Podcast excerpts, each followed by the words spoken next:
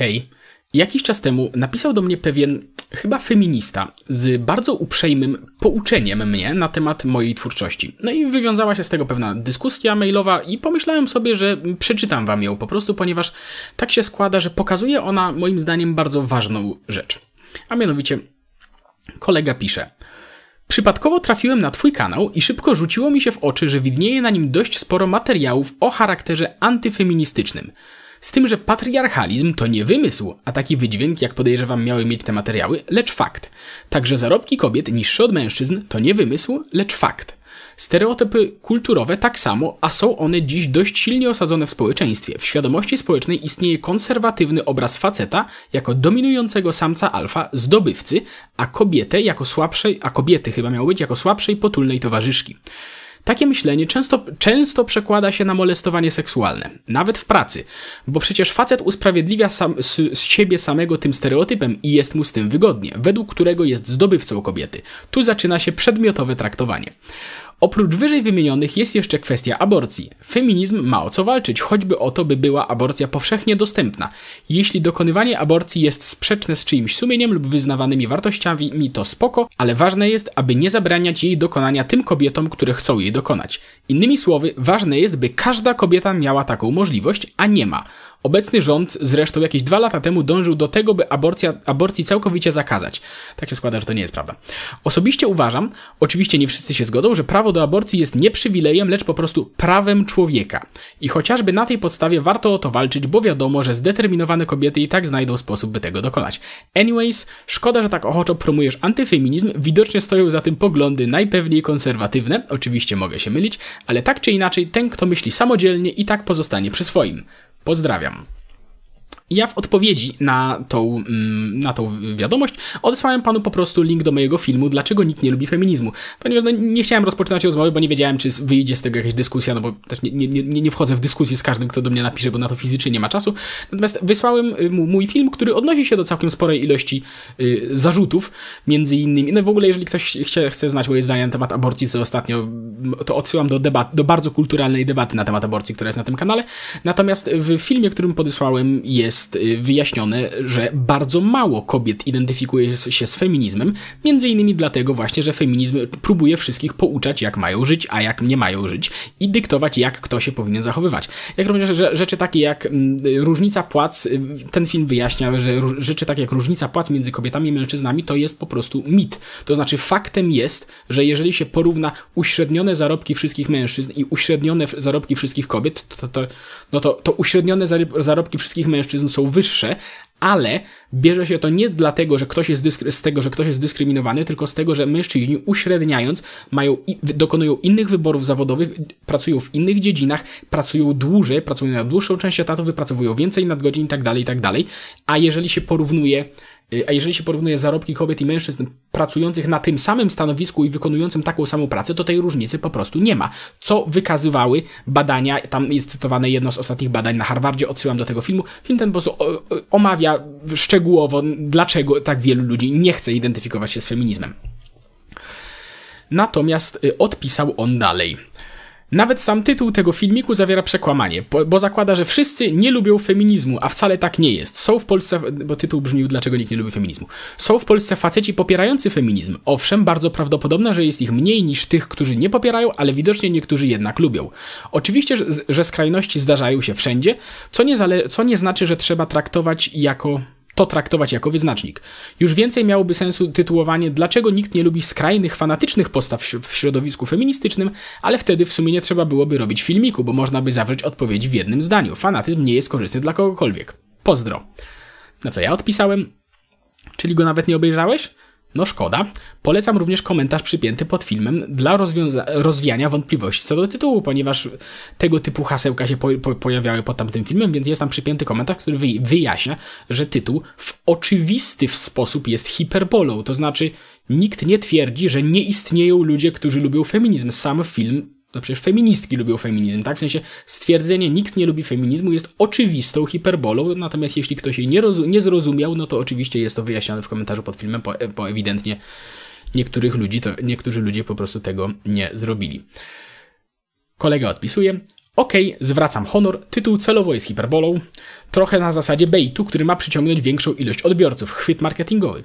Tak, Obejrzałem film jak najbardziej, tyle że, ze skrajności, tyle, że skrajności skrajnościami, a feminizm nadal ma wciąż o co walczyć. Pozostaje wspomniana przeze mnie kwestia patriarchalizmu i jego oddziaływania na relacje w społeczeństwie. Nie jestem do końca pewien, czy to znaczy, że, że uznał tamte tłumaczenie, y, tamte, tamto wyjaśnianie tych innych rzeczy, które wspomniał, że one tak naprawdę nie są prawdą, no ale no, nie jestem tutaj do końca pewien. Na co odpisałem, czy mógłbyś zdefiniować patriarchalizm? Na co kolega odpowiada: Patriarchalizm to przekonanie o wiodącej roli mężczyzny jako decydenta zdobywcy żywiciela do wyboru, obecne w konkretnym społeczeństwie w świadomości zbiorowej. Należy uwzględnić też w ramach tego zjawiska postrzeganie kobiety jako słabszej i nie nadającej się do prac określonych jako przeznaczone dla mężczyzn. Na co odpowiadam? Co to znaczy obecne w świadomości zbiorowej? Nigdy nie słyszałem, by ktoś w Polsce poważnie narzekał, że kobieta jest premierem czy ministrem. Większość lekarzy w Polsce to kobiety, w niektórych rejonach Polski to kobiety częściej pracują zawodowo, zwłaszcza w biedniejszych województwach. W Polsce jest jeden z najwyższych w Europie odsetków kobiet prowadzących firmy. W wielu korporacjach inżynierskich jest preferencyjne traktowanie kobiet na stanowiska inżynierskie. Tu akurat mówię z własnego doświadczenia. To oczywiście tylko przykłady cudzysłowie, postrzeganie kobiety jako słabszej. A co masz tutaj na myśli? Bo jeśli mówisz o byciu słabszą fizycznie, to przecież kobiety są, uśredniając, mniejsze i słabsze fizycznie. I to nie jest opinia, tylko fakt biologiczny.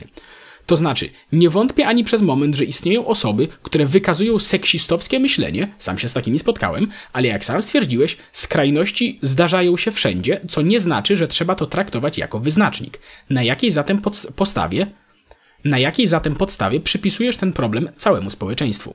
Na co kolega odpisuje? Obecne w świadomości zbiorowej. Chodzi mi o to, że patriarchalizm jest obecny w powszechnym przekonaniu w opinii publicznej. Tak samo jak to, że Polska figuruje w opinii publicznej jako kraj wyznaniowy. Chrześcijański, no bo jednak powołując się na statystyki, procent zdeklarowanych wierzących przynależących do kościoła katolickiego oscyluje około 80-90%. Tak właściwie kraj wyznaniowy to nie jest to samo, co kraj z większością ludzi yy, wierzącymi, no ale to jest osobna kwestia. Oczywiście nie każda jednostka jest tego częścią, niektórzy się wyłamują, stąd ateizm. Tak samo patriotyzm. Spora część Polek i Polaków jak zapytasz ich, czy czują się patriotami, patriotkami, odpowiedzą ci twierdząco. Oczywiście nie każda jednostka jest tego częścią, niektórzy się wyłamują i nie postrzegają siebie jako patriotów. Z patriarchalizmem jest tak samo. Niektórzy się wyłamują, ale mimo wszystko spora część ludzi nadal myśli w sposób patriarchalny i przekłada to na relacje w społeczeństwie. Krótko mówiąc, myślenie mężczyzna jako silniejszy i decydent oraz kobieta jako słabsza, bierna i łogodowa to właśnie jest, posługując się metaforą, ustawienie domyślne w świadomości zbiorowej. Większość ludzi myślących w ten sposób bierze to za naturalny stan rzeczy, ustawienie domyślne. O ile religia czy patriotyzm to kwestie osobiste, światopoglądowe, tak patriarchalizm różni się od nich tym, że ma charakter dyskryminujący i między innymi dlatego jest o co walczyć, chociażby o zmianę tego sposobu myślenia. Zmianę świadomości zbiorowej, zwracanie uwagi na dyskryminujący charakter takiego myślenia. A z, jak, a z tej dyskryminacji często biorą się inne problemy, przykład przeświadczenie, że, zda, zda, że zdanie kobiety jest mniej ważne lub że nie powinna aspirować do wykonywania nie, prac męskich. Nie mówiłem nic na temat kobiet na stanowiskach lekarskich ani inżynierskich, wiemy, że są. W cudzysłowie, bo jeśli mówisz o byciu słabszą fizycznie, to przecież kobiety są uśredniając mniejsze i słabsze fizycznie i to nie jest opinia, tylko fakt biologiczny. I komentarz. Ja sądzę, że to bardzo względne. Warto pamiętać o bólu podczas miesiączki czy podczas rodzenia dziecka. Chcąc, nie chcąc, ból fizyczny nie omija kobiet, a to my faceci jesteśmy pod tym względem bardziej uprzywilejowani przez naturę, nie licząc faktu, że umieramy szybciej. Był kiedyś taki eksperyment, symulacja, że przypięto facetów ochotników do elektrodów, chyba elektrod miało być, mających na celu zadać ból odczuwany podczas ciąży. Darli się w niebogłosy. Nie wątpię. Zresztą kobieta może przypakować, mieć mięśnie i być silniejsza od niejednego mężczyzny w cudzysłowie, na jakiej zatem podstawie przypisujesz ten problem całemu społeczeństwu? Nie przypisuję całemu, przypisuję je sporej części. Na co odpowiadam? No dobra, ale chyba powinieneś podać jakieś argumenty za tym, że spora część społeczeństwa ma poglądy takie, o jakie je oskarżasz. Stwierdzasz, że jest źle i jak dużo jest dyskryminacji, ale nie podałeś, dlaczego tak sądzisz, ani żadnych argumentów to popierających.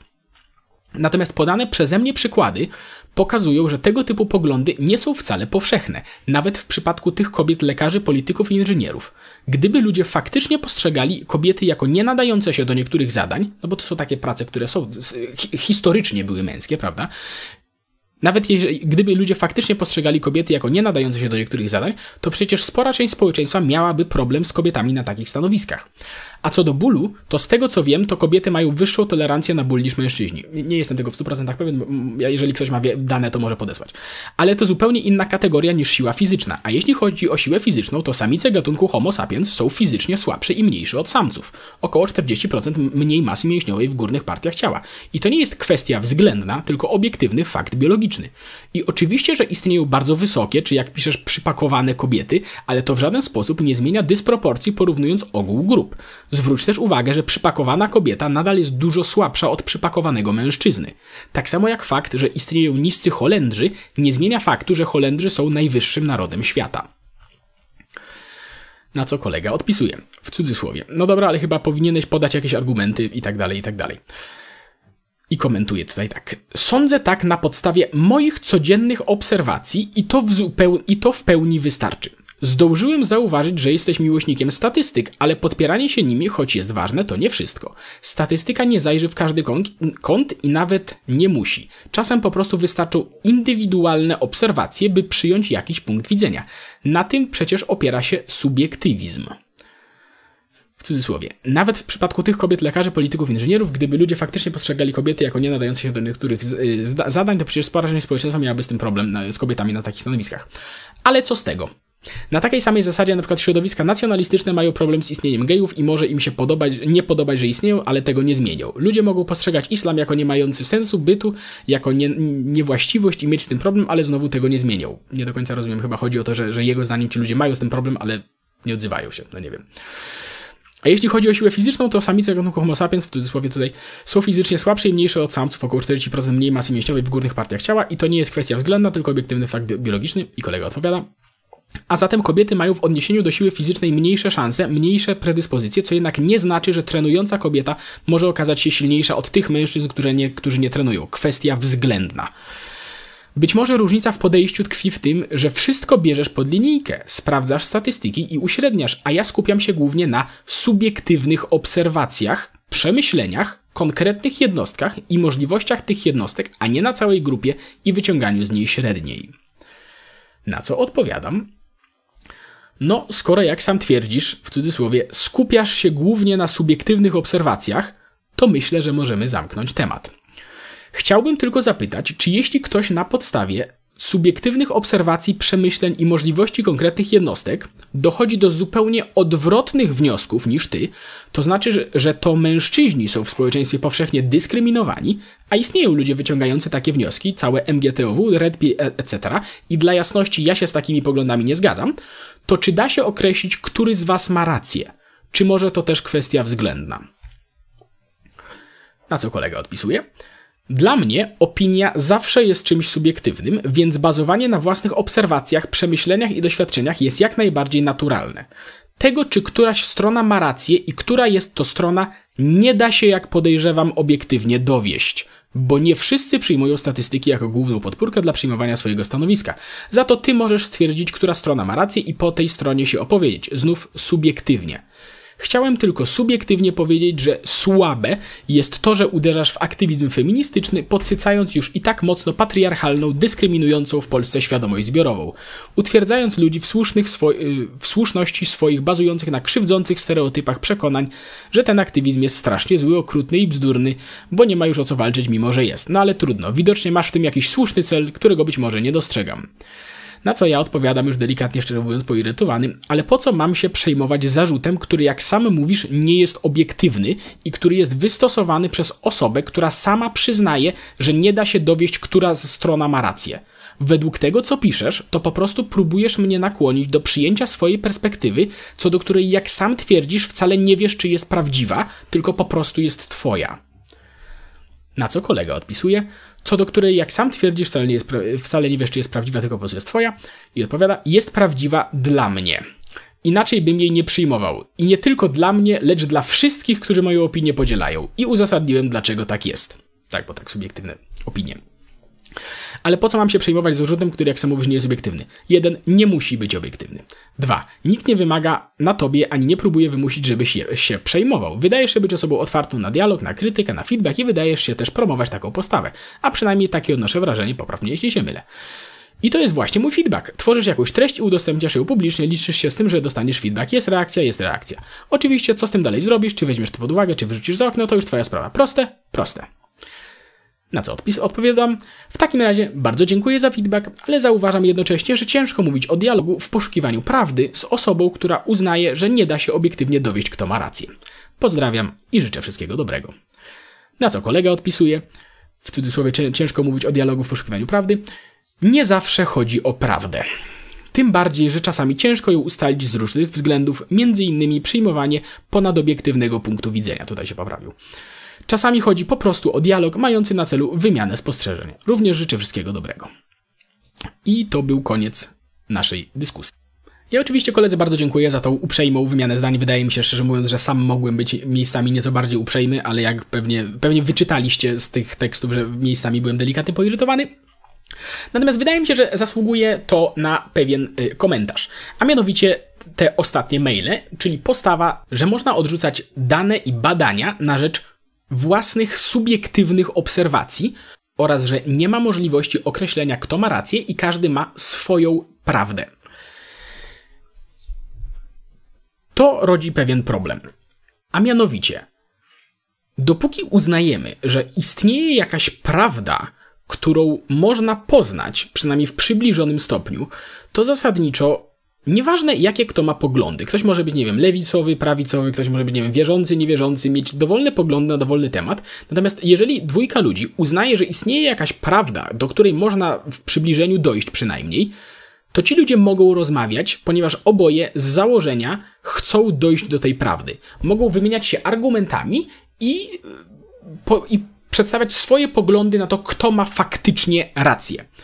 Natomiast jeśli nie uznajemy, że istnieje jakaś prawda, to ta rozmowa nie ma sensu. Bo jeśli wychodzimy z założenia, że nie da się stwierdzić, czy ktoś ma rację, no to tak jak widzieliśmy tutaj, argumenty są zupełnie nieistotne, ponieważ ja mam swoją prawdę i ty możesz mieć swoją. I nie, nie, nie istnieje dyskusja w poszukiwaniu prawdy, jeśli się uznaje, że nie można do niej dojść. I jeśli nie ma tej perspektywy, że istnieje jakiś słuszny punkt, jakaś słuszna perspektywa, do której próbujemy dojść, no to dyskusja nie polega na dochodzeniu do prawdy, no bo siłą rzeczy nie wierzymy, że ona istnieje, że, że, że możemy do niej dojść, tylko dyskusja polega na tym, kto komu narzuci, sw narzuci swój punkt widzenia. I to jest tak naprawdę tylko przejaw walki o władzę. I tego typu postawa naprawdę nie jest aż tak ekstremalnie rzadka. Są stanowiska filozoficzne, tak, które uznają, że nie da się dojść, że nie da się, yy, że każdy człowiek manifestuje w, yy, w społeczeństwie jedynie swój jedynie swój interes grupowy na przykład, tak? Albo y, manifestuje y, rzeczy, które mają na celu po prostu poprawienie sytuacji y, jego klasy, tak? Społecznej, do której na, na, należy i tak dalej, a że wszystkie rzeczy takie jak prawda, moralność, dobro i tak dalej, to są tylko i wyłącznie konstrukty społeczne i każdy ma względne, każde jest subiektywne i nie da się nie da się faktycznie dochodzić do poprawnych wniosków. Tutaj tylko właśnie jest kłótnia o to, kto ma rację. I jeśli ktoś wychodzi z takiego założenia, to dyskusja z tą osobą nie ma sensu. Że nie, nie ma sensu, tylko jest po prostu niemożliwa. No bo jeżeli ktoś nie uznaje, że istnieje możliwość tego dochodzenia do prawdy, no to nieważne jakie twoje byłyby te argumenty, to ta osoba i tak może obstawać przy swoim, jak sama stwierdza, subiektywnych obserwacjach i subiektywnych opiniach, ponieważ tylko to pozostaje, ponieważ żadna, żadna opinia nie jest, ponieważ nie da się określić, co jest faktycznie prawdziwe, a co nie. I to jest moim zdaniem ważne, ponieważ no z, tej, z tej prostej przyczyny, że że to uniemożliwia dialog. I po prostu porozumienie z takimi osobami czasami jest po prostu fizycznie niemożliwe, bo operują w ogóle w jakichś zupełnie innych wszechświatach koncepcyjnych. Po prostu i z takimi osobami następuje po prostu rozłączenie filozoficzne i, i, i po prostu, wiesz, mo można obrzucać się swoimi postawami, ale, ale one nie trafiają, ponieważ każdy żyje w innym świecie. I to jest ważne. Moim zdaniem ta obserwacja jest ważna z tej prostej przyczyny. Naszą cywilizacją od kilku tysięcy lat rządziła pewna filozofia uznająca, że nie tylko, że istnieje coś takiego jak prawda, ale że ta prawda jest naj, naj, najwyższą wartością, że jest święta w pewien sposób, że warto do niej dążyć, że za, że za wszelką cenę warto dążyć do prawdy. Dlatego wielu ludziom, którzy są wychowani w naszej kulturze, wydaje się, że to jest oczywiste, ale nie. To nie jest oczywiste, to jest pewna postawa filozoficzna, ale istnieją, jak widzieliśmy, też inne postawy filozoficzne, które uznają, że nie, nie, nie ma takiej potrzeby, nie ma potrzeby dążenia do prawdy, bo każdy ma swoją prawdę. I tak właściwie ta, ta nasza postawa, ta postawa zorientowania na tą prawdę jest tak właściwie trochę niewygodna, nie? Ponieważ jeśli jest się zorientowanym, że istnieje coś takiego jak prawda, no to czasami to oznacza, że trzeba zmienić własne zdanie. Ponieważ ktoś przedstawia argumenty, i ty na nie patrzysz i rzeczywiście wygląda na to, że te argumenty trafiają bliżej prawdy niż twoje, no i wtedy masz taki konflikt wewnętrzny, że no to powinieneś zmienić zdanie, ponieważ ta osoba jest bliżej prawdy niż ty, a jeżeli ty chcesz być blisko prawdy, no to, no to wypadałoby to zdanie zmienić. Natomiast ta druga postawa, taka relatywistyczna, jest właśnie bardzo wygodna, no bo nieważne co druga osoba mówi, ty zawsze możesz mieć swoją prawdę. I ona jest równoważna do prawdy tej drugiej, i każdy ma, ma swoją, i nie, nie musisz nigdy zmieniać zdania. Natomiast pokazuje tutaj, że ludzie, że nawet jeśli wydaje się oczywistym, że ludzie zawsze dążą do prawdy i że chcą y, odkryć te twierdzenia i te, te prawa, powiedzmy, i te, te, te, te fakty, które są najbliżej faktycznej prawdy, to nie jest, nie wszyscy tak mają. To nie jest uniwersalne, to jest jedna z postaw filozoficznych, która została wykształcona w naszej cywilizacji, ale nie jest ona oczywista. I tak naprawdę wraz z wyrzucaniem wszystkiego, co stare, tradycyjne i nasze własne, to się okazuje czasem, że wyrzucamy również to. Wyrzucamy również te to dążenie do prawdy i efektem tego jest właśnie to, że powstają, powstają postawy, które mogą ignorować naukę, argument, jakąkolwiek obiektywną argumentację na rzecz mojego własnego subiektywnego odczucia, ponieważ w sumie czemu nie? I wydaje mi się po prostu, że warto o tym pamiętać, że nawet takie rzeczy, które mogą się wydawać oczywiste filozoficznie, są po prostu założeniami, które są w naszej kulturze od bardzo, bardzo, bardzo dawna, ale to wcale nie znaczy, że wszyscy zawsze będą je wyznawać, a wyrzucanie stare, a wyrzucając stare rzeczy od nas można wyrzucić coś czasem naprawdę bardzo ważnego. A myślę, że nie warto z tej prostej przyczyny, że jak ktoś kiedyś powiedział, prawda nas wyzwoli. I to chyba tyle. Jak zawsze, jeżeli ktoś się nie zgadza z tym, co powiedziałem, to zapraszam do krytykowania, do wyrażania własnych opinii i może uda nam się dojść do czegoś bliżej prawdy wspólnie w komentarzach i tak dalej. Z takich jeszcze małych ogłoszeń w najbliższej przyszłości, w pewnie przyszłym tygodniu zrobimy jakieś Q&A kolejne, ponieważ dawno nie było, więc szykujcie pytania i tak dalej. Nie piszcie ich jeszcze tutaj, zrobię osobnego posta, gdzie będę te pytania zbierał. I to chyba tak naprawdę wszystko. Do usłyszenia. Hej.